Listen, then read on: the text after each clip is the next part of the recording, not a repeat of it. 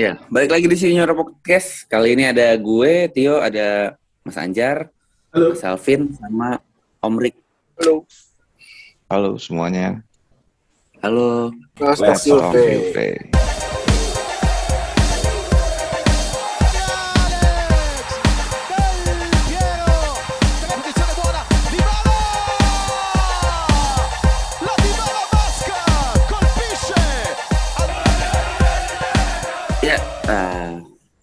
gue mah udah seminggu ya kita nggak ada UV tanding gitu.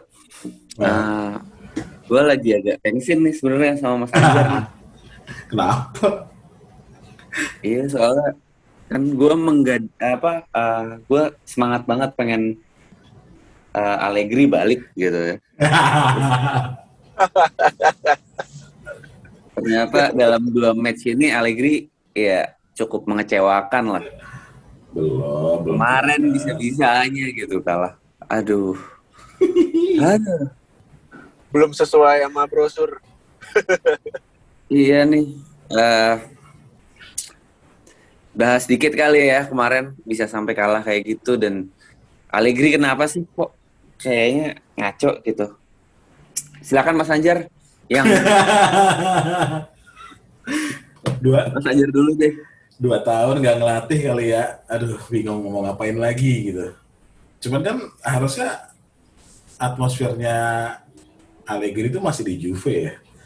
Terus dia ngikutin perkembangan Juve gitu. Cuma mungkin terlalu banyak perubahan sebelum tanding atau sebelum pramusim gitu. Terutama intriknya Ronaldo. Jadinya akhirnya memaksa Allegri itu masih ngutak-ngatik formasi yang tepat buat Juve itu kayak gimana. Itu sih yang gue pikir gitu. Terus materi pemain yang dipengenin Allegri kan juga yang kemarin terakhir minta Icardi sama Pjanic tapi nggak dikabulin sama manajemen akhirnya ya sempat kesel juga dia gitu. Kayaknya emang eh, motor serangan dan permainannya Allegri ini belum jadi nih. Itu sih yang gue gue pikir gitu. Akhirnya ya udah kemarin pakai formasi coba-coba gambling. Akhirnya ya flop. Banyak faktor sih sebenarnya banyak faktor sih. Kalau faktor pemain ya Danilo yang nggak di posisinya. Cuman aneh tuh emang nggak ditarik sampai atau nggak oh, nggak dikembalikan di formasinya atau di posisinya sampai babak kedua selesai di bala yang main sendiri. Jadi ya kayak bisikan Celini ke Allegri. Ini bukan tim. Gitu sih jadinya Om Rik, gimana? Apa apakah kita bakal ngelihat Allegri yang kayak gini terus atau atau nantinya bakal membaik, Om? It's expected kok bahwa akan terjadi slow start. jahat Ini memang Allegri. Dan kalau dibilang bukan sebuah tim, ya memang betul ini bukan sebuah tim. Karena untuk menjadi sebuah tim, pertama mereka harus patuh terhadap satu filosofi dulu gitu loh. Misalnya teknik dalam memainkan bola. Ini ada teknik yang namanya high pressing, ada yang deep uh, pressing gitu ya. High pressing kayak Pirlo kemarin neken terus ke depan. Kalau deep uh, pressing itu dia mulainya dari bawah dulu, pelan, lamban, terus kemudian maju ke depan. Nah ini Allegri. Kemarin Pirlo high pressing. Perubahan filosofi seperti ini aja itu sudah sangat berat. Salah satu korbannya bukan korban sebetulnya. Salah satu efeknya contoh Ronaldo, dia pergi gitu kan. Kemudian ke depannya kita nggak bisa menjamin apakah Delik akan bertahan karena dia masuk ke Juve pun dia ngelihat pertama Ronaldo, kemudian kedua oke lah gaji tinggi lah apa pun itulah. Eh, tapi yang jelas di Ajax pun dia main high pressing gitu loh. Untuk bermain eh, ke belakang seperti sekarang, mengalami tekanan-tekanan seperti sekarang, berarti dia harus belajar lagi, adaptasi lagi. Kemudian Dybala, Dybala ini mau dibawa ke mana sebenarnya? Ya kan? Allegri itu membutuhkan sebuah trequartista dan semua itu ada di Dybala sebetulnya. Tapi Harusnya Om. kemudian betul. Tapi kemudian ada faktor kontrak, ada faktor fokus yang terganggu sehingga apa? Dia udah nggak jelas lagi mainnya ini sekarang. Sudah hampir dua tahunan kalau nggak salah kan. Hmm. Di bala itu udah nggak jelas posisinya bagaimana, eh, teknik yang dia jalan itu seperti apa sudah sudah menjadi tidak jelas. Akhirnya nggak ke mana-mana. Nah ini membuat Allegri kebingungan akhirnya dalam memilih formasi yang tepat bagi tim. Hmm. Seperti yang dulu pernah aku sampaikan, kekhawatiran terbesar terhadap Allegri ini sebetulnya bukan slow startnya ini, ini ini sudah expected kok sebetulnya. Perubahan filosofi ini sebenarnya juga sudah sudah kebayang sebetulnya. Cuman yang dikhawatirkan formasi apa yang akan digunakan Allegri. Karena dengan perubahan banyak sekali perubahan-perubahan ini, dia jadi tambal sulam akhirnya. Apakah 4-3-3, apakah 4-1-3-2, apakah 4-2-3-1. Ini jadi akhirnya berantakan. Yang membuat, ini kekhawatiran terbesar saya, Kiesa hilang. Delik hilang. Jadi pemain-pemain yang kita justru sangat harapkan bisa boom di umur mereka yang semakin dewasa justru hilang. Kane hilang. Karena apa? Nggak jelas posisinya mau di mana. Allegri nggak tahu apa yang tepat buat mereka. Gitu loh. Walaupun betul Allegri adaptif, tapi dengan perubahan-perubahan filosofi segala macam segala macam, akhirnya tim gampang. Sementara hasil sudah ditunggu. Mau tidak mau, akhirnya Allegri menggunakan formasi yang selama ini dia pikir aman-aman aja yang membuat akhirnya seperti Bernadesi malah didahulukan dibandingkan Kiesa itu yang aku khawatirkan gitu loh. Kiesa udah berapa kali nih nggak pernah main lagi maksimal kan uh, jadi jadi sering. Dan dari zaman dulu kan juga seperti itu anak-anak muda kan. Anak-anak muda yang bebas menyukai tantangan dengan terus menyerang ini hilang. Mereka mereka ini hilang gitu loh. Ini yang aku takutkan. Dan kalau hasilnya tidak bisa membaik mereka juga secara mental juga akan terkikis dan akhirnya ya sudah jadi jadi semenjana akhirnya talent-talent itu hilang begitu saja itu yang aku khawatirkan sebetulnya di Allegri season 2 ini gitu loh Mas Yo. Oke, eh, berarti seben- dan sebenarnya ini ya eh, yang dikhawatirin juga ini ya eh, apa pemain-pemain muda ini bakal gimana ya Om ya? Karena kan sebenarnya pemain muda kita banyak yang oke nih kemarin kayak Rabio juga bisa udah bisa eh, selalu hampir selalu starter ya di Prancis terus eh, Kane kemarin baru bikin dua gol gitu. Nah, apakah Allegri bisa maksimalin talenta-talenta ini gitu? Om? Gini, mereka itu gini. Pirlo dan Allegri dua sosok yang berbeda tentu saja. Pirlo dia bisa memaksimalkan talent-talent muda dengan memberikan unsur fun. Dengan memberikan mereka para talenta-talenta muda ini yang punya potensi besar ini untuk mengeksplor kemampuan mereka semaksimal mungkin. Tentu dengan batasan. Tapi dia memberikan fun kepada mereka. Silakan kalian serang ke depan, tapi jangan lupa turun. Intinya seperti itulah. Jadi apa? Orang-orang kayak Rabio ini berani naik turun, naik turun, naik turun sesuai dengan uh, kemampuan dia sebagai box to box. Kiesa dia nyisir dari sayap, dari sayap untuk terus masuk ke depan. Betul memang resikonya meninggalkan banyak ruang, betul Pirlo gagal menyembahkan Scudetto. Tapi sisi positifnya, talenta-talenta muda ini rise. Sementara Allegri, dia banyak sekali memberikan gelar. Karena apa? Dia punya pakem. Dia punya pakem. Betul dia adaptif, tapi tetap dia punya pakem. Yang menuntut para pemainnya untuk tidak terlalu gegabah dalam menyerang. Untuk merapatkan semua barisan. Akhirnya apa? Seperti sekolah yang banyak aturan. gitu ya. Normalnya sekolah-sekolah yang banyak aturan ini memang lebih race, memang lebih lebih menghasilkan lulusan-lulusan dan mempunyai banyak prestasi betul gitu. Tapi banyak juga talenta-talenta muda yang yang liar gitu ya, yang hanya bisa rise dengan keliaran mereka menjadi terpendam dan kemudian hilang begitu saja. Kayak Michael Jordan, dia kan di-cut dalam tim basketnya di SMA. Ya kita nggak bisa nyamain, tapi itu salah satu contoh aja bahwa talent itu sebenarnya bisa rise di tempat yang tepat. Nah, aku nggak yakin apakah Kiesa, apakah Rabio masuk ke dalam tempat yang tepat dalam kepelatihan Allegri ini, gitu loh. Mungkin Om, bukan tapi- tangan besi. Ya, Om, gimana? tapi sorry, eh, tapi Rabio ini kan memang selama di Juve ini belum bisa maksimal ya kalau menurutku karena eh, ketika dia ngelihat eh, ketika kita ngelihat dia main di PSG atau ngelihat dia main di Prancis kayak sosok yang berbeda dari ketika dia main di Juve. Iya nggak sih Mas Anjar? Belum maksimal nggak sih Rabio selama di Juve ini? Di Prancis sih dia dapat zona nyaman ya. Dapat zona nyaman ya. Karena ada Kante. Karena ada Kante. Oh, kok feedback gua? Oh,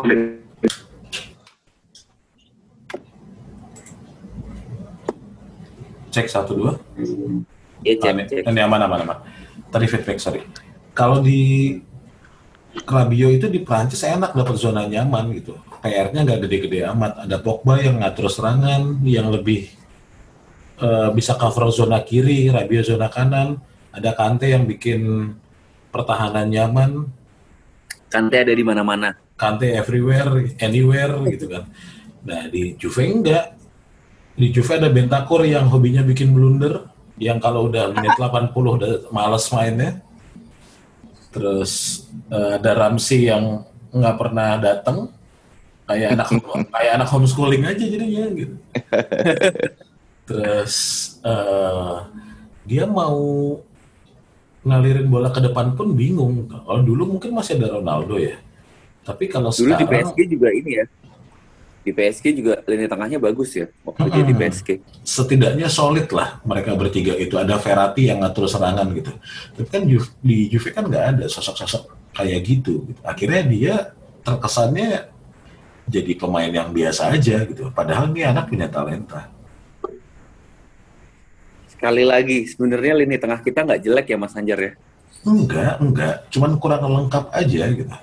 Maksudnya kalau ini kalau di sebuah hidangan itu kan ada main course, appetizer, ada eh, ya, apa namanya yang lain gitu. Nah ini ini enggak, ini kurang lengkap aja gitu. Kalau dulu terakhir Allegri pegang kan ada Pirlo yang elegan, ada Pogba yang dinamis dan meledak, ada Grintanya Isio. Vidal, terus ada Marquisio yang punya karakter superhero lokal gitu. Nah yang sekarang tuh Hero lokal. biasa aja gitu. Empat bahkan kita selalu dari eranya Pirlo pun selalu merubah eh, pemain-pemain tengah gitu. Nggak pernah ada di tiga pertandingan beruntun tuh nggak pernah pemain tengahnya tuh line up-nya sama. Selalu berubah Hmm. terus. Gitu. Oke. Eh, Mas Alvin, gue Yes. selama ini tuh selalu punya pendapat ya. Lini tengah Juve itu sebenarnya pemainnya nggak jelek, tapi nggak lengkap. Setuju, atau apa ya? Atau nggak nggak ngeblend. Setuju nggak lu Mas Alvin? eh gini, kegagalan itu kan termaafkan kalau ada improvement ya. Iya nggak sih? Iya. Kalau lo udah mencoba improve ternyata gagal lagi, ya lo akan termaafkan. Kalau gue ngeliatnya kegagalan itu kayak berulang-ulang aja setiap tahun. Iya nggak sih? Kayak lo setiap musim Benar. pasti kita membicarakan pemain tengah yang komposisinya selalu nggak lengkap gitu. Itu semenjak semenjaknya kelarnya masa si Marcisio, Vidal, Mar- eh, Pogba gitu, sama Pirlo gitu. Setelah itu selalu gonta-ganti, gonta-gantinya tuh seperti nyari spek yang sama, tapi lu udah tahu itu spek yang nggak cukup, ngerti nggak? Tapi nggak mau Ah. nyobain, tapi nggak nyoba improvement gitu. Selalu membeli pemain yang ya udah, yang ada di pasar yang yang yang ki- sekiranya bisa dibeli, tapi bukan pemain yang kira-kira akan ngeblend Iya. sama tim kita gitu loh. Iya, iya. Akhirnya Betul, akhirnya betul. si pelatih dituntut harus melakukan improvement di tengah tengah jalannya maraton nih. Nah selama ini mungkin kompetitor kita mungkin eh, belum mampu nih ngejar itu gitu. Nah once ketika udah semuanya sama nih akhirnya merata gitu. Ada ada masanya akan merata. Ya kita akan keteteran dong. Kita nggak bisa lagi antar juga tim lain juga habis bensin. Nggak nggak bisa selalu seperti itu gitu. Iya nggak sih? Iya iya. Dan dan dan semenjak era itu memang kita sempat punya lini tengah yang lumayan ya ketika waktu ada Marquisio, Pjanic sama Hedira tapi cederaan mulu kan mereka Iya, gantian cederanya. iya. Dulu kita pernah lumayan nggak sih semenjak era Pirlo, Vidal dan lain-lain? eh, menurut gue sih ya lumayan deh. Tapi tapi gini, kita dulu pernah bergantung sama Khedira. Terus setelah eh, melalui waktu berjalan dia jadi mudah cedera gitu ya. Kemudian kita melakukan pembelian pembelian lagi lah gitu. Terus beli Ramsey. Iya tahu Ramsey bagus gitu. Tapi kan kita tahu ceritanya sama gitu. Cederaan gitu. Kok Iya. ngulang ngulang ngulang cerita yang sama gitu loh. Maksud gue gitu. Kenapa gitu loh. Gue pengen nanya deh ke Om Rick. Om Rick, kok si Ramsey ini kayaknya kalau di kalau untuk timnasnya dia main main terus gitu. Di Euro juga kayak nggak ada cedera gitu. Tapi di Juve tuh baru mau diandalin dikit, udah cedera. Ya nggak sih, Mas Alvin? Bingung kan gue sama Iya, lu kemarin? kemarin Euro yang sifatnya yang sifatnya turnamen yang main Dan- setiap berapa hari sekali dia fit loh. Maraton banget kan itu. Iya. Bisa main terus gitu. Tapi Hmm. di Juve kayak kayak kemarin gue sama Alvin tuh sempat bilang Ramsey tuh terlalu sayang buat jadi cadangan tapi terlalu cederaan buat jadi main inti gitu. main inti. Gimana Om Rick? Iya, ini balik lagi ke masalah filosofi. Jadi untuk Wales, filosofinya tepat buat dia dengan high press gitu ya. Sebetulnya dia cocok untuk timnya si Pirlo begitu. Cuman ada faktor lain yang membuat dia menjadi memble. Kepercayaan. Kalau di Wales, dia salah satu yang terbaik yang dimiliki Wales. Di Juve, dia hanya seorang Ramsey. Sehingga posisinya dia banyak yang bisa menempati. Orang seperti Ramsey yang selalu dianggap sebagai se- seorang seorang patokan gitu ya, panduan gitu ya di Arsenal, di di Wales masuk ke dalam suatu lingkungan yang you just a Ramsey here gitu ya. Itu membuat dia tidak termotivasi. Akhirnya mainnya ya akhirnya sedang-sedang aja, tidak all out gitu loh. Kan kita juga sering mengalami kan bedanya saat kita diberikan kepercayaan penuh sama kepercayaan yang sedang-sedang aja. Lo nggak bisa ya udah ada gantinya. Itu tidak menumbuhkan motivasi. Itu yang terjadi oleh Ramsey sekarang. Akhirnya yang kelihatan sama publik apa? Sering cedera lah kemudian suka nggak nyambung lah. Padahal kalau dia ditempatkan sebuah ke sebuah tim yang benar-benar filosofinya tepat dan kemudian memberikan dia kenyamanan dalam bermain karena kepercayaan full terhadap dia dia bisa meledak gitu loh. Terlepas dari memang kalau Wales kan turnamen tapi ya justru di situ turnamen kan dalam jangka waktu singkat ya. Dia bisa apa mempertahankan stamina-nya lebih baik. Belum lagi dengan kepercayaan publik yang luar biasa. Akhirnya meledak orang-orang kayak Ramsey. Nah dia tidak bisa bermain di Juve yang konstan dan maraton gitu loh gitu. Jadi ya kalau menurut aku sih sebetulnya pahlawan kita itu zaman dulu itu Marota sebetulnya. Dia jeli sekali bisa memilih memilih tim walaupun beberapa orang bilang apa eh semenjana pemain semenjana tapi bisa kok dia membentuk tim yang benar-benar tim gitu loh. Gabungan dari gabungan dari harga-harga murah tapi kemudian bisa menjadi tim. Walaupun mainnya semenjana tapi tetap sebuah tim beda dengan era-era sekarang yang kemarin gitu ya mahal-mahal gitu tapi tidak menjadi sebuah tim karena ya filosofinya terus-menerus berganti dan pemilihan pemainnya juga bentrok satu sama lain egonya kalau aku lihat sih begitu Intinya sebenarnya tim ini tuh bukan dibuat atau untuk dihadirkan buat Allegri ya. Ini ini timnya Pirlo sebenarnya. Ini sebetulnya bukan timnya Pirlo ini timnya Ferrari. Timnya Ini. Anelli. bukan timnya Ferrari. Timnya Exor. Ini bukan ini bahkan bukan timnya jadi gini eh, semua kerusakan semua ketidaksinambungan semua sem- kita ini berantakan gitu loh. Kita ini berantakan gitu ya. Kita nggak bisa point finger akhirnya ke Allegri ke mana ke mana. Nggak bisa karena apa berantakan karena konflik keluarga kalau aku pikir Jadi awalnya ini semua dikasih untuk Agnelli. Tapi kemudian Agnelli hilang kendali dia pengen sesuatu yang lebih besar dengan membesarkan branding Juve. Dengan dengan dengan kekuatan penuhnya dia dia potong itu Marotta yang berjasa untuk membentuk Juve ya. Kompak loh kita tuh zamannya Marotta dulu walaupun ya pemain-pemainnya semenjana tapi kita punya tim dulu. Kita kompak dulu gitu loh. Ini dipotong CEO si Marotta sehingga apa? Semua kebijakan transfer bisa langsung ke Allegri. Contohnya siapa? Ronaldo. Dimasukin Ronaldo. Kemudian dia beli segala macam yang uh, bisa memenuhi keinginan Ronaldo. Brand kita ber, berkali-kali lipat naik ke atas. Betul si Agnelli berhasil. Tapi kemudian dia kan pegang uangnya Exor kan.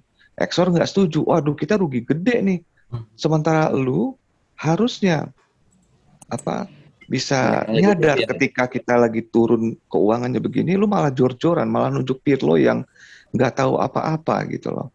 Akhirnya setelah kemarin hancur, di-cut Allegri, eh sorry, Agnelli, dimasukin orangnya Exor si Cherubini. Akhirnya apa? Berantakan sekarang. Ya. Iya, eh, jadi berantakan, berantakan. Kebijaksanaan-kebijaksanaan kita berantakan. Si siapa dulu kita eh, Paramati, eh kok Paramati, Paratici. Paratici juga kan di di-cut akhirnya. Karena dianggap orangnya Agnelli. Jadi Agnelli sekarang tidak punya taring.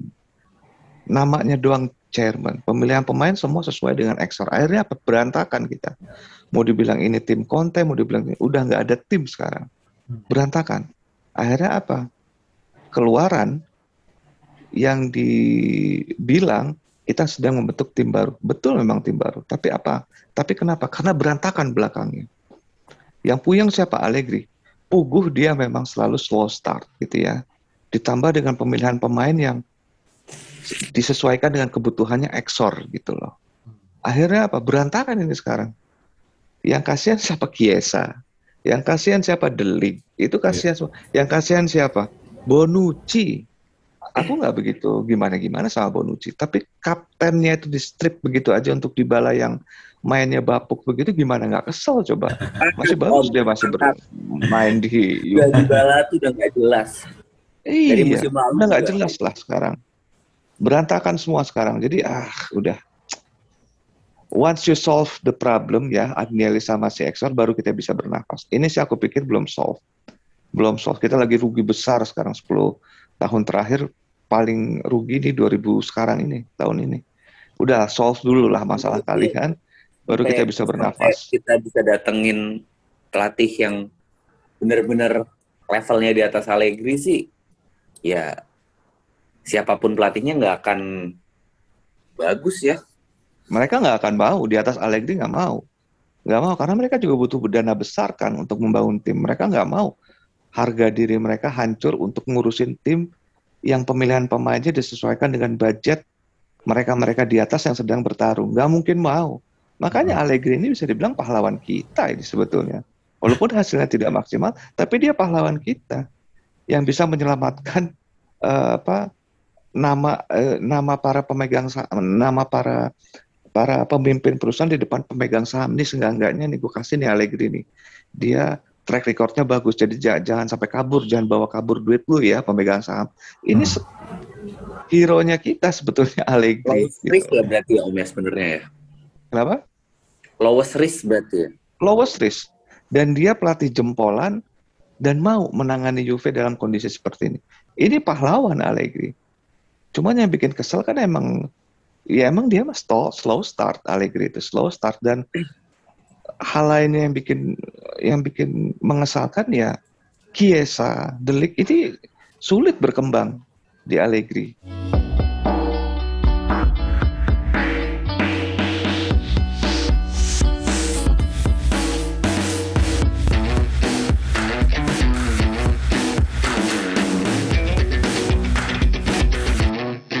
Ya intinya mah Allegri walaupun hasilnya seperti ini itu sebetulnya expected.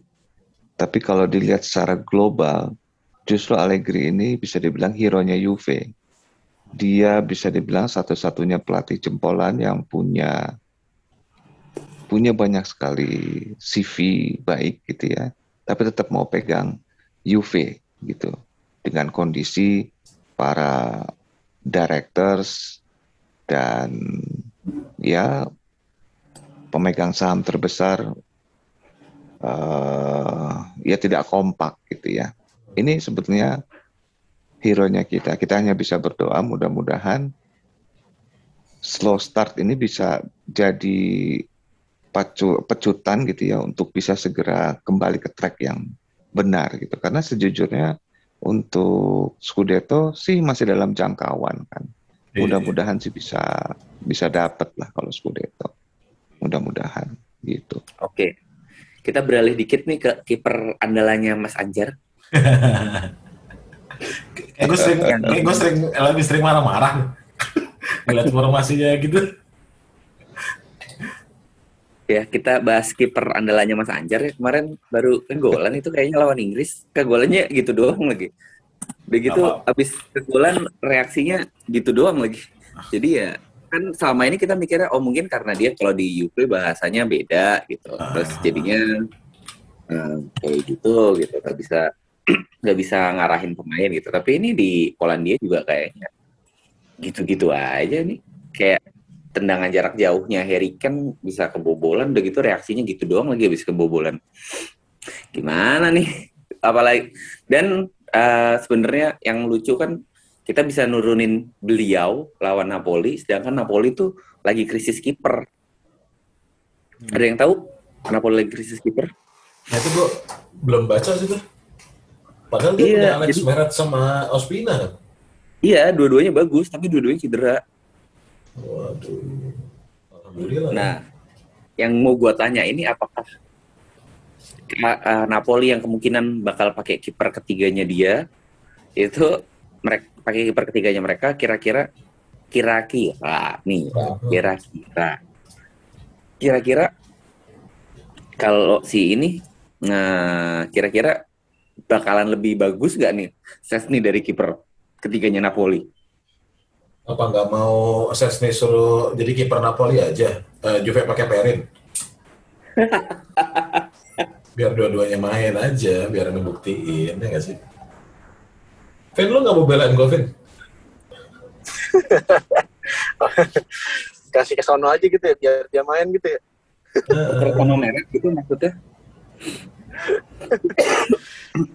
Emang emang responnya Sesni tuh emang gue nggak nganggep dia kiper bagus sih ya karena gitu.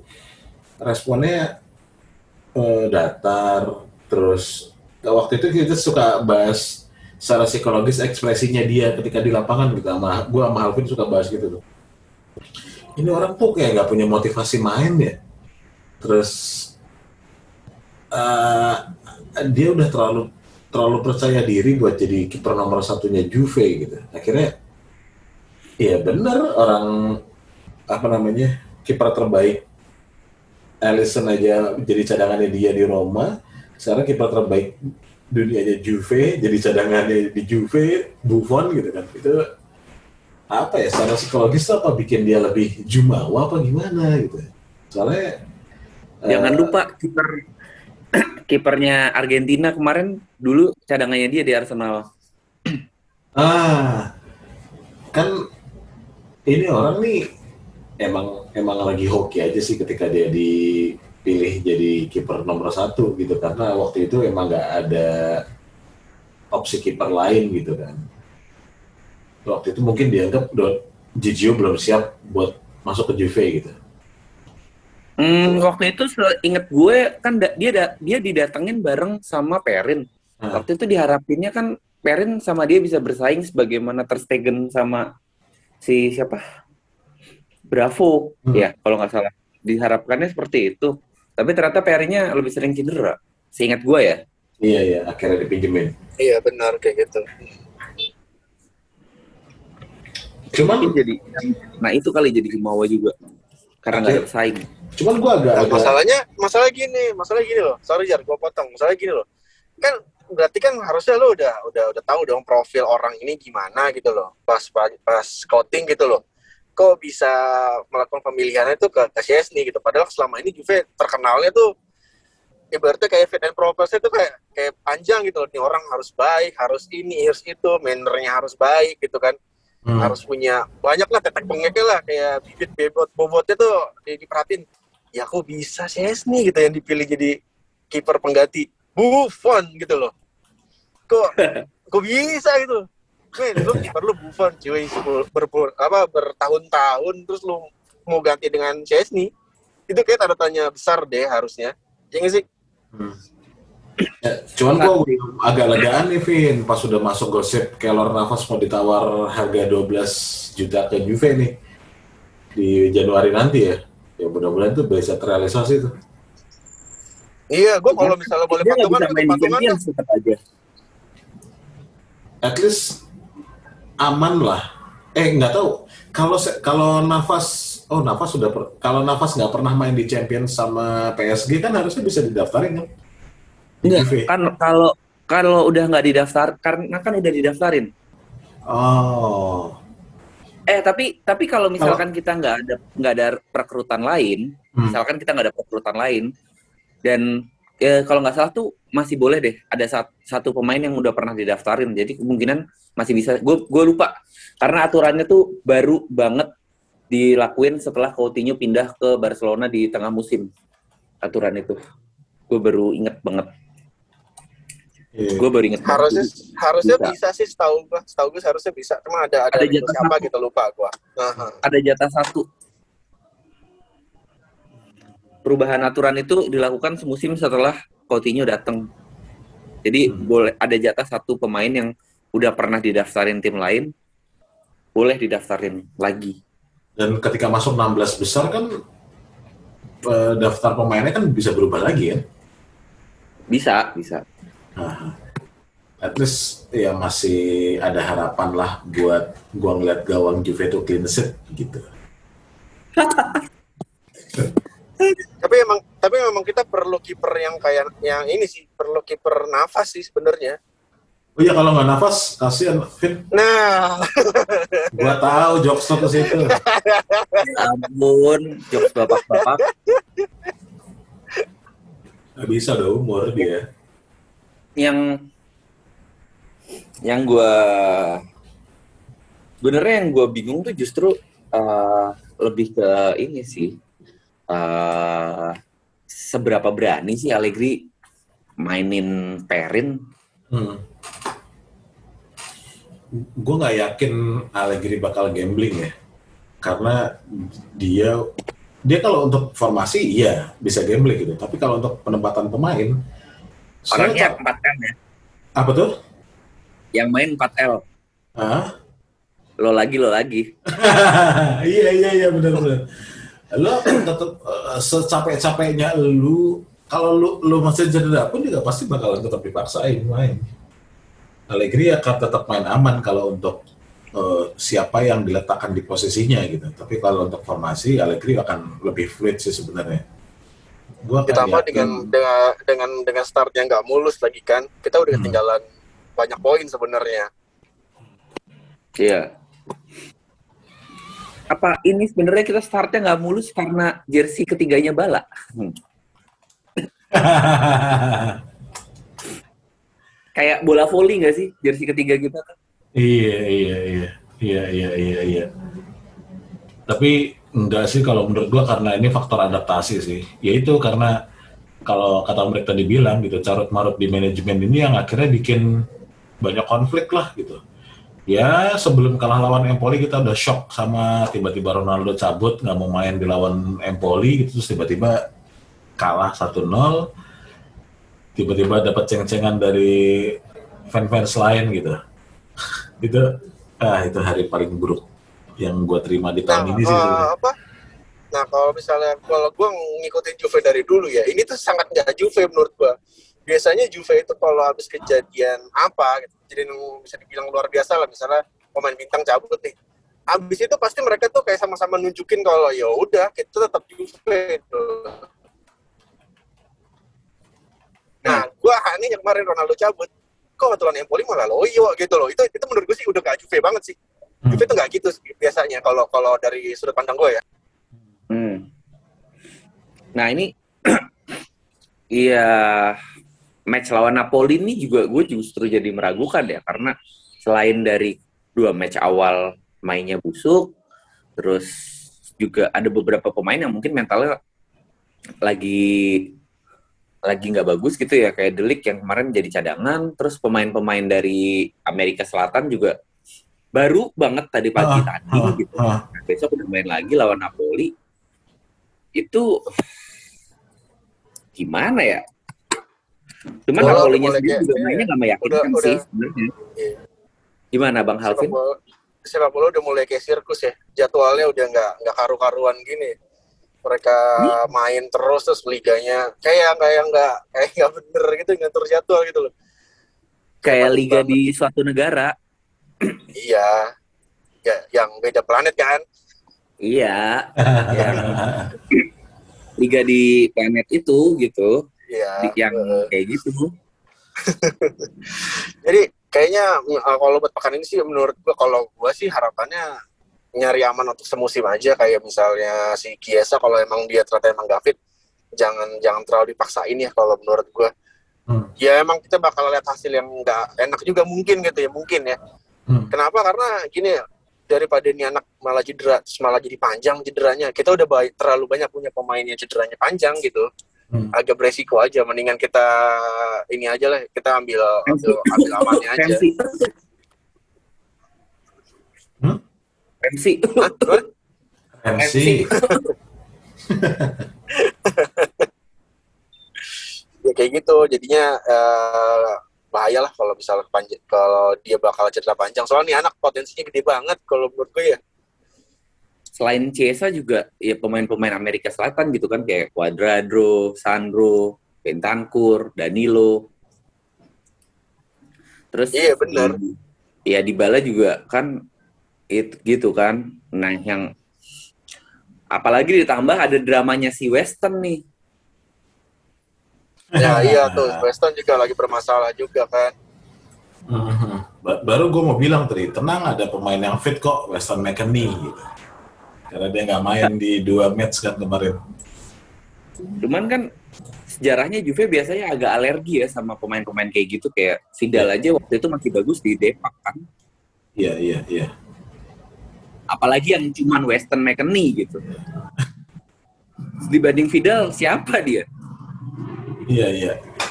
Emang ini ini eh, habit baru ya yang baru dipunya. Kita kan juga sebelumnya belum pernah ada pemain Amerika yang datang ke Juve dan main reguler gitu. Eh, gaya baru, tren baru. Malah gue awalnya cuma mikir Mekan itu datang cuma buat menuhin pasar Amerika aja, biar ada pemain lokal Amerika yang main di Juve. Akhirnya kita merchandise-nya bisa dibeli banyak di sana gitu ya. Tadinya gue pikir aja cuma gitu doang. Cuman pas impact-nya lumayan di awal-awal kemarin lawan Pirlo, gue sempat taruh harapan tuh, oh bisa nih anak nih, mulai mulai kayak Vidal nih mainnya gitu, Eh, box to box, matahin serangan pertama, tapi makin ke sini kelihatan kalau egonya terlalu lebih gede gitu. Nah ini yang akhirnya bisa jadi toxic di ruang ganti kalau menurut gue. Kayak star syndrome nggak sih dia? Hmm? Kayak star syndrome. Kalau star syndrome-nya star syndrome-nya macam Dani Alves yang nyalain musik kenceng-kenceng akhirnya dikomplain Bonucci, it's okay lah karena Dani Alves seseorang gitu loh. Sementara Iya. ini McKennie itu bukan siapa-siapa, lu belum punya prestasi Ya, dia apa-apa di- bro. Di timnas pun dia bukan pilihan utama kan sebenarnya. Iya. iya dan dia juga bukan bukan seperti Landon Donovan juga sih Atau bukan seperti Pulisic, Iya. Kapten Amerika. Tapi Iya. ngelihat ngelihat trennya yang tadi pagi pertandingan tadi pagi Amerika Latin main, gua sih ngelihat semua tim yang dibela sama pemain Juve itu menang semua. Uruguay menang, Bra Argentina menang walaupun Dybala nggak main ya. Terus juga ada pemain-pemain yang full main tuh kayak Cuadrado, Benta- Bentancur itu full main eh, termasuk Alexandro. Nah ini Bentancur gitu. juga sebenarnya lama-lama. Dia di Uruguay bagus kan mainnya. Oke lah. Hmm. Kenapa di Juve itu kayak ogah-ogahan gitu, males-malesan main. Kesel lama-lama. Kenapa tuh, Vin? zona nyaman dia di Juve nggak bakalan dijual sama Juve soalnya. Orang penjualan 50% buat Boca. Juve juga kayak males juga jual dia kayaknya. Di Uruguay kenapa dia bisa bagus? ya negara cuy. Beda lah. Pasti Bedanya? lebih ini dia. Karena gini loh sih. Kalau beda beda negara kan beda ya sama beda kalau misalnya kita bela klub gitu negara kan kayak ya kayak tanah air sendiri gitu jadi ya kan orang-orang Latin kan kalau sama negara biasanya lebih total gitu sih kayak Suarez gitu Uruguay lagi gitu biasanya kan begitu ya Oh, Bisa sih. Atmosfernya beda kali ya. dan ini lagi-lagi Nah, membuktikan nah gelandang-gelandang itu bukan gelandang jelek. Maksudnya mungkin Iya. secara psikologis gini, kalau lu membela negara, kalau misalnya gua gua kalah hari ini, nggak akan ada lagi hari esok gitu. Cuman kalau lagi membela klub gitu, lu kalah sekarang, nggak apa-apa deh kan masih ada pertandingan berikutnya. Kalah lagi nggak apa-apa deh, siapa tahu tim lain juga kecelek kayak kita gitu. Unsur itunya sih Iya. yang akhirnya orang remehin ketika main di klub mungkin ya. Jadi nggak setotal ketika membela negaranya sendiri. Iya, karena ini ya, untuk untuk orang Uruguay di posisi Mas Mas Mas Mas Uruguay di posisi yang sama kayak Bentancur Mas itu mungkin Uruguay. banyak. Jadi banyak yang bisa menggantikan ketika dia main jelek untuk bela timnas gitu loh. Cuma kan Hmm. kalau klub ya ibaratnya kontrak setahun ya udah mau gimana gitu. Hmm. Oke, Eh, ini kita lihat pemain Juve banyak yang kayaknya bakal nggak maksimal karena baru main buat negaranya dan ada beberapa yang cedera gitu. Nih, menurut lu si si Allegri ini yang yang dua pertandingan pertamanya cukup memalukan, ini bakal gimana? Apakah bakal eksperimen-eksperimen lagi atau ya udahlah main aman aja? Gimana, Vin? Semua kalau harusnya sih harusnya sih gue gua kalau jadi Allegri sih gue akan bakal adaptasi lebih sih maksudnya udah dua kali start ini agak jelek harusnya sekarang udah putar otak dan dan kerja apa kepadatan jadwal ini harusnya udah keprediksi ya sama sama dia harusnya dia udah mensiasati ini sebelum kejadian kalau menurut gue gitu Hmm. Mas Anjar? gue yakin Allegri akan tetap pakai formasi full. Walaupun Alexandro udah capek, Bentancur juga main full, gue yakin mereka akan tetap digunakan. Karena Allegri bukan tipe yang, balik lagi tadi gue bilang, Allegri itu bukan tipe orang yang mudah mudah nge- naruh orang tuh di bench gitu kecuali kalau dia nggak yakin-yakin amat, kecuali atau dia anak baru yang baru masuk dan usianya muda, biasanya udah pasti di bench. Tapi kali ini gue yakin mereka akan tetap main, tapi gitu permainannya bakalan super pragmatis banget. Kalau yang kemarin-kemarin mungkin masih level pragmatis, kalau yang ini pasti akan super super pragmatis, nunggu bener-bener diserang, dapat celah, baru counter attack. Nah, cuman ada pemain-pemain yang harusnya bisa memanfaatkan situasi ini nih. Contohnya Kulu. Kulu harusnya ketika eh, pemain kayak Kiesa nggak nggak perform di pertandingan nanti lawan Napoli, dia bisa ngambil peran itu. Alah, paling yang dimainin juga Bernadeschi lagi, Bernadeschi lagi. Itu tuh gue yakin. Cuman kenapa kemarin ada tapi Berna main jadi bagus loh man of the match di Lithuania ya? Kenapa? Bernadeschi itu jadi man of the match di Italia versus Lithuania loh. Nah, itu meskipun dia. cuma lawannya Lithuania ya Iya, iya. Nah, tapi menurut gue itu sebuah mau ngomong itu. tapi ini sih tapi gue ngeliatnya gini berarti nih anak melakukan improvement iya nggak sih Iya, iya, kemarin iya. di di Euro pun di Euro pun sebenarnya kalau boleh jujur dia ngemain juga nggak nggak seburuk-buruknya itu juga gitu loh sub sih terlalu- kemarin di Euro tuh. Ter- terlalu dicap aja gitu loh Enggak, tapi sebenarnya gua- gue kalau dia lakukan improvement sih itu baik buat dia sebenarnya gitu gue dengan kedatangan Allegri sih gue cuma berharap satu sih sebenarnya. Kita bisa lihat Bernadeschi seperti saat lawan Atletico beberapa musim lalu. Itu tuh dia di situ tuh super sekali. Iya nggak sih? Ada ya masih semoga sih dia bisa iya iya gue inget ya semoga aja dia bisa kayak gitu maksudnya semoga dia sadar dia melakukan improvement karena dia tahu mungkin kanan kirinya teman-temannya udah mulai banyak yang drop gitu ya mungkin ya, ya istilah katanya gitu ya semoga aja sih jadi ada ada ada efek lebih gitu terus kayak pencarian karakter tim dengan pembelian banyak apa pembelian pemain-pemain lokal dari Itali gitu kayaknya Juve juga mau ngembaliin ciri khas lagi kan jadi kayak nemuin apa membentuk jati diri baru lagi sih yang lebih ke Italiano gitu makanya ada Kian kemarin juga main bagus kan Nah, itu dia tuh. Apakah semoga berani kom- kompaknya Allegri mainin dapat Kane? lagi gitu Nah, Allegri berani nggak mainin Ken? Harusnya sih berani ya untuk alasan apa dia nggak berani gitu. Eh, karena dengan dengan dengan situasi kayak sekarang ya apa pun harus dicoba. Kalau kan dia udah tahu metode yang pertama udah gagal nih. Ya masa lu mau coba metode yang sama? Kan nggak mungkin gitu. Kan Allegri tapi cenderung kayak gitu. Tapi Mereka- feeling dia gue enggak sih, Vin. Feeling gue Allegri akan tetap main aman sih. Iya dia lebih suka ngotak-ngatik. Ngotak-ngatik pemain tuh di tengah di tengah perga- di tengah pertandingan bukan di awal. Kalau emang Ya, ternyata dia pemain flop banget, baru nanti akan ditarik gitu. Atau formasinya bisa berubah dengan dia masukin pemain dengan karakter baru. Iya. Iya, dia memang adaptif, tapi dia tidak. Tapi dia kalau untuk awal pertandingan cenderung pakai yang itu-itu aja. Biasanya di tengah match baru dia melakukan adjustment-adjustment. Iya nggak sih? Yang gue bingung, yang yang gue pertanyakan nih, apakah dia berani nih pasang Locatelli sebagai starter? Karena kayaknya kita butuh Locatelli sebagai starter deh. Locatelli kemarin eh, terakhir kan nggak main juga lawan Lithuania. Kayaknya emang ini disiapin disiapin ada ada dalam tanda kutip permintaan khusus gitu. ya. Ini ini, ini feeling gue aja sih. Karena Moiskan juga ditarik, terus Locatelli diistirahatin. Gue yakin Locatelli akan main dari awal. Gantiin, mungkin mungkin bisa gantiin posisinya Bentancur. Akan main double pivot bareng sama Rabiot. Terus Dybala yang full, yang masih fit bak- bakalan main. Nah, cuman Moiskin ini nih yang gue nggak yakin dia bisa main dari awal sih. Either Morata sama Dybala di depan, atau Dybala sama Kiesa di depan. Chiesa bukan cedera.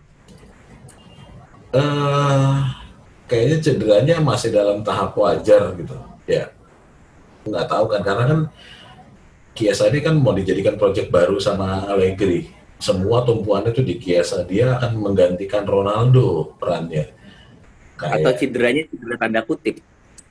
Hmm, hmm, mungkin ya, mungkin ya. Pasti ada permintaan khusus kalau pulang duluan menurut ya. Pasti ada permintaan khusus kalau menurut gua. Maksudnya gini, ini Juve lagi babak-babaknya di dua pertandingan terakhir. Lo ita, ya, ya, lo bisa kontak ke Mancini gitu misalnya Agne- Agnelli. Bro, ya nggak usah dimainin lah pemain-pemain gue. Lo kan juga lawannya cuma Lituania. Raspadori mau lagi bagus-bagus lo coba dah gitu. Bisa Oh gitu. itu aneh doang, Bray, kincai, Bray. Kayak gitu ya. Iya bisa lah gitu. Akhirnya ya itu bahkan kiper pun juga diganti kan di babak kedua. Semuanya pemain-pemain baru masuk gitu. Harusnya sih pemain-pemain Juve yang berlaga di internasional, terutama pemain Itali, ya di, bisa dikip untuk pertandingan lawan Napoli karena ketika lawan Napoli nanti tetap nggak perform, walaupun kalah, tapi kalau ternyata proses permainannya itu bagus gitu, publik tuh akan percaya lagi, fans akan percaya lagi. Apalagi kemarin sempat disinggung sama Om Rick kalau eh, defisitnya Juve itu lagi turun drop sepanjang 10 tahun terakhir gitu. Jadi gue yakin ini ini judi yang lebih besar lagi sih yang ditanggung sama Agnelli dan Agnelli gitu. Allegri, sorry. Oke, eh, ini tiga match beruntun berikutnya ya. Hmm. Ada tiga match dalam waktu yang jeda waktunya tiga hari. Jadi Hmm. setelah lawan Napoli kan lawan Malmo, terus habis itu lawan Milan ya kalau nggak salah ya. Hmm. Nah, itu menurut lu gimana tuh? Menurut kalian Mas Alvin dan Mas Anjar?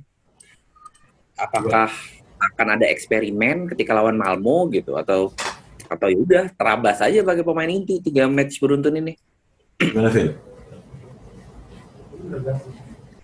Kalau gue sih milihnya lepas lawan eh, lepas lawan Napoli maksimal lawan Malmo. Kalau gue sih pilih gitu. Karena Yang pertama karena Liga Champions yang sifatnya turnamen. Ya kita lihat nih, itu maksud gue kayak istirahatin berapa hari dulu deh buat pemain-pemain yang ini nih, yang kayaknya kecapean banget, yang yang udah terlalu burnout. Jadi kayak ngasih berapa hari istirahat dulu. Hanya soalnya ini padat banget jadwalnya kan dari tim dari pertandingan timnas ke tim apa ke Liga minggu ini. dan karena ini kali ya kalah lawan Napoli itu masih wajar, kalah lawan Malmo tuh malu-maluin. iya sih. Mas Anjar gimana Mas Anjar? gue tetap yakin kalau di tiga pertandingan itu kita bakal pakai pemain inti semua baik lawan Napoli, Malmo atau Milan. Karena ini pertaruhan mukanya mereka gitu. Pasti pasti saya capek-capeknya pasti akan dipakai. Itu tadi gue bilang kalau mainnya pragmatis ya udah itu akan dihalalkan gitu. Kan itu memang ciri khasnya Allegri. Tapi tapi ya gue yakin pemain-pemain yang disiapin nanti tetap pemain inti, strateginya counter attack. Terus formasi yang dipakai juga masih sama 4-4-2. Dan ya pasti ya lu akan ngelihat Juve menang tipis 1-0, 2-1 kayak gitu sih di tiga match ke depan. Oke, eh, kita bahas lawan Malmo dikit ya. Eh, menurut lu kira-kira lawan Malmo nanti bakalan ada ini gak sih? Eh, ada pemain yang yang biasanya nggak inti tapi dapat kesempatan? Soalnya gue kok kepikiran mungkin Perin bakal main ya lawan Mar-. Gimana Mas Anjar? Kalau ngelihat trennya Sesni lagi butuh percaya diri, kayaknya bakalan tetap main sih Sesni sih. Kalau dibilang yang nggak inti akan tetap jadi inti tiba-tiba atau jadi line up pertama gitu, kayaknya Berna. Berna. kan, ah, Berna ini kan lumayan versatile nih. Dia bisa ditaruh di kiri. Kemarin main di kanan sama Itali. Em, kalaupun akhirnya ada perubahan taktik yang atau formasi yang signifikan, pasti Berna tuh akan jadi opsi pertamanya Allegri. Dan Kulu ya mungkin ya. Karena Kulu kan juga kemarin ngasis kan tuh di Swedia. Iya, iya, iya, iya. Kulu, kulu. Tapi ya itu gue ngeliat kebiasaannya Allegri yang kurang percaya sama pemain muda. Kulu tuh pasti nggak akan jadi line up awal deh. Pasti dia akan tetap jadi pemain pengganti. Tapi kalau Oke. akhirnya perannya dulu kayak di Vaio gitu ya, jadi super sub gitu, ya nggak apa-apa nggak? Ya nggak apa-apa lah. Gak apa-apa lah, kan sebenarnya juga sekarang dengan pergantian pemain bisa lima itu kayaknya ya, lu nggak jadi starter juga bukan hal besar ya. Mm-mm, Iya nggak sih? mm-mm. Iya, nggak harus starter lah. Iya. Oke, eh, kita mulai ke prediksi deh. Hmm. Prediksi Napoli Juve. Mas Anjar, Napoli Juve 1-0 buat Juve. Sekarang gua harus realistis ya. Oke. Halvin, Satu kosong buat Juve sih. berapa? Satu kosong buat Juve menang. Oh, Juve menang Oke. ya tetap ya. Masih tetap po- pada positif ya. Kalau gua Iya, maksud gue gini, maksud gue, eh, pasti Allegri kan pelatih yang kacangan juga gitu, pasti dia juga paham lah. Apalagi Spalletti ini, Spalletti kayaknya nggak nggak terlalu jadi momok menakutkan buat Allegri dia harusnya. Hmm. Ya, Paletti, Ale. dua dua match terakhirnya Napoli kan cuman lawan Genoa sama Venezia. Yang sekarang dua-duanya ada di bottom two gitu. Itu pun juga pertandingan nama Venezia tuh eh, Napoli susah payah menangnya gitu. Jadi ya permasalahan yang hampir-hampir mirip lah sebenarnya sama yang dialamin Juve. Ya, kalaupun Juve menang ya menangnya nggak mungkin clean sheet sih, 2-1 lah. Tapi gue nggak yakin clean sheet lawan Napoli selama kipernya masih Sesni. Udah gitu aja. bisa bisa bisa bisa. Iya benar benar. benar. Karena ya, ya lu tau lah, Sesni gitu. Apa yang diharapin? Iya Iya sih. Iya sih. Gue sih udah habis harapan gue udah habis ya Mas Esni. Sebisa mungkin kalau memang ternyata dapat pengganti kiper baru ya gantilah kalau emang kalau emang ternyata Perin masih bisa dipercaya harusnya Perin masuk. eh bentar, berarti si Spalletti ini ketemu Allegri head to headnya emang jelek sih. Hmm, hmm. Gue baru Nah, iya, makanya. buka head to head mereka berdua tuh lebih banyak Allegri yang menang. Lima dari 11 kali match Allegri menang lima kali, seri tiga kali kalah tiga kali. Iya. Tapi tidak di dalam kondisi tim yang sama kayak sekarang ya. Yang Nah, udah-udah itu kan dia. Allegri punya Catatannya. full tim ya. Catatannya sih itu sih. Gue sih berharapnya Allegri nanti eh, kalau di, di striker tuh main simple aja deh. Kadang kita terlalu rumit kutak-atik di atas tuh jadi kayak apa ya? Nggak jelas gitu loh. Eksekusi Hmm. finishingnya nggak nggak nggak nggak nggak jelas gitu. Terlalu rumit. Nah, yang banyak utak-atik tuh satu orang tuh. Iya, cuma dibala doang, Vin. Iya. Itu dicadangin juga masalah kelar sebenarnya. Iya, benar setuju sepakat gua. Dybala dicadangin ke Seos kelar. Sekali-kali digertak lah, kan lo minta gaji lo juga udah nggak mau turun. Cadanginnya sekali-kali biar tahu gitu loh, lo nggak ada yang orang yang lebih besar dari Juve gitu. Lo harus tahu diri, bos. Gue bilang Dybala tuh semenjak Ronaldo pergi kemarin ya terutama. Hmm. Jadi sok-sokan gitu, sok iye gitu. Gede kepala. Kayak, nih gue nih sekarang superstarnya nih. Hmm. Kagak ada babang CR. Iya. Kesal gue liat dia main tuh kemarin.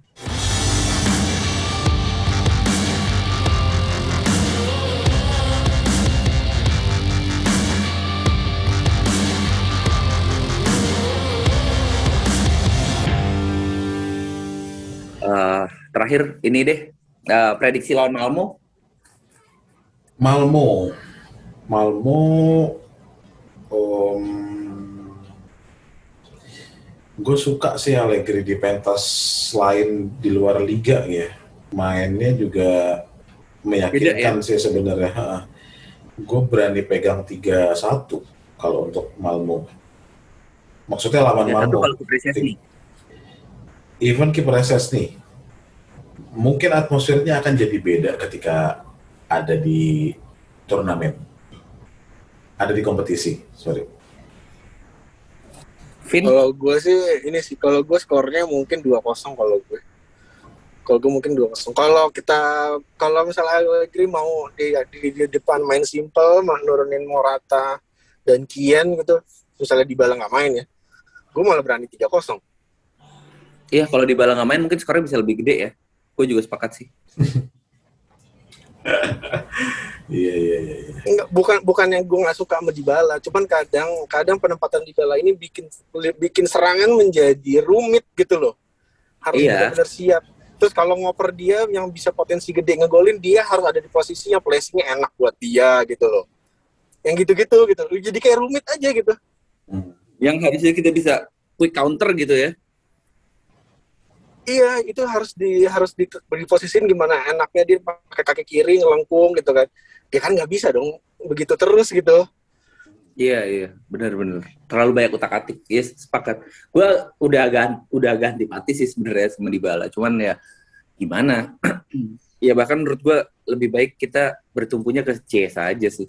Iya iya iya. So- soalnya gini, soalnya tim kita ini butuh moral booster. Kita butuh gol banyak kalau menurut gua gitu ya. Kalau misalnya kita udah bisa dapat poin tiga, terus dapat skor yang lumayan, gua rasa kepercayaan diri tim pasti meningkat tuh. Jadi gue berharapnya udah main simple aja deh. Gimana caranya bikin gol sebanyak-banyaknya dulu. Iya iya Hmm. iya. iya. Sepakat gue sepakat. Iya gue kalau lawan Malmo sih ya gue sama kayak Alvin sih kalau misalkan di Bala nggak main bisa sampai 3-0. Hmm. Tapi ya kalau kiper Szczesny 3-1 lah jadinya.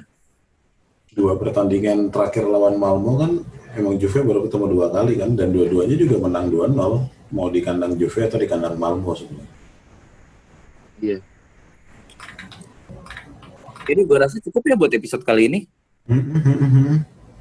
Semoga Juve bisa menang, bisa dapat hasil positif dan ya kalaupun nggak menang mainnya bisa lebih jelas lah ya. Walaupun dengan eranya Allegri ya kita tahu lah jangan ngarep main bagus. Iya iya iya benar-benar setuju. Ya rasional aja dulu lah. Hasil nanti nyusul.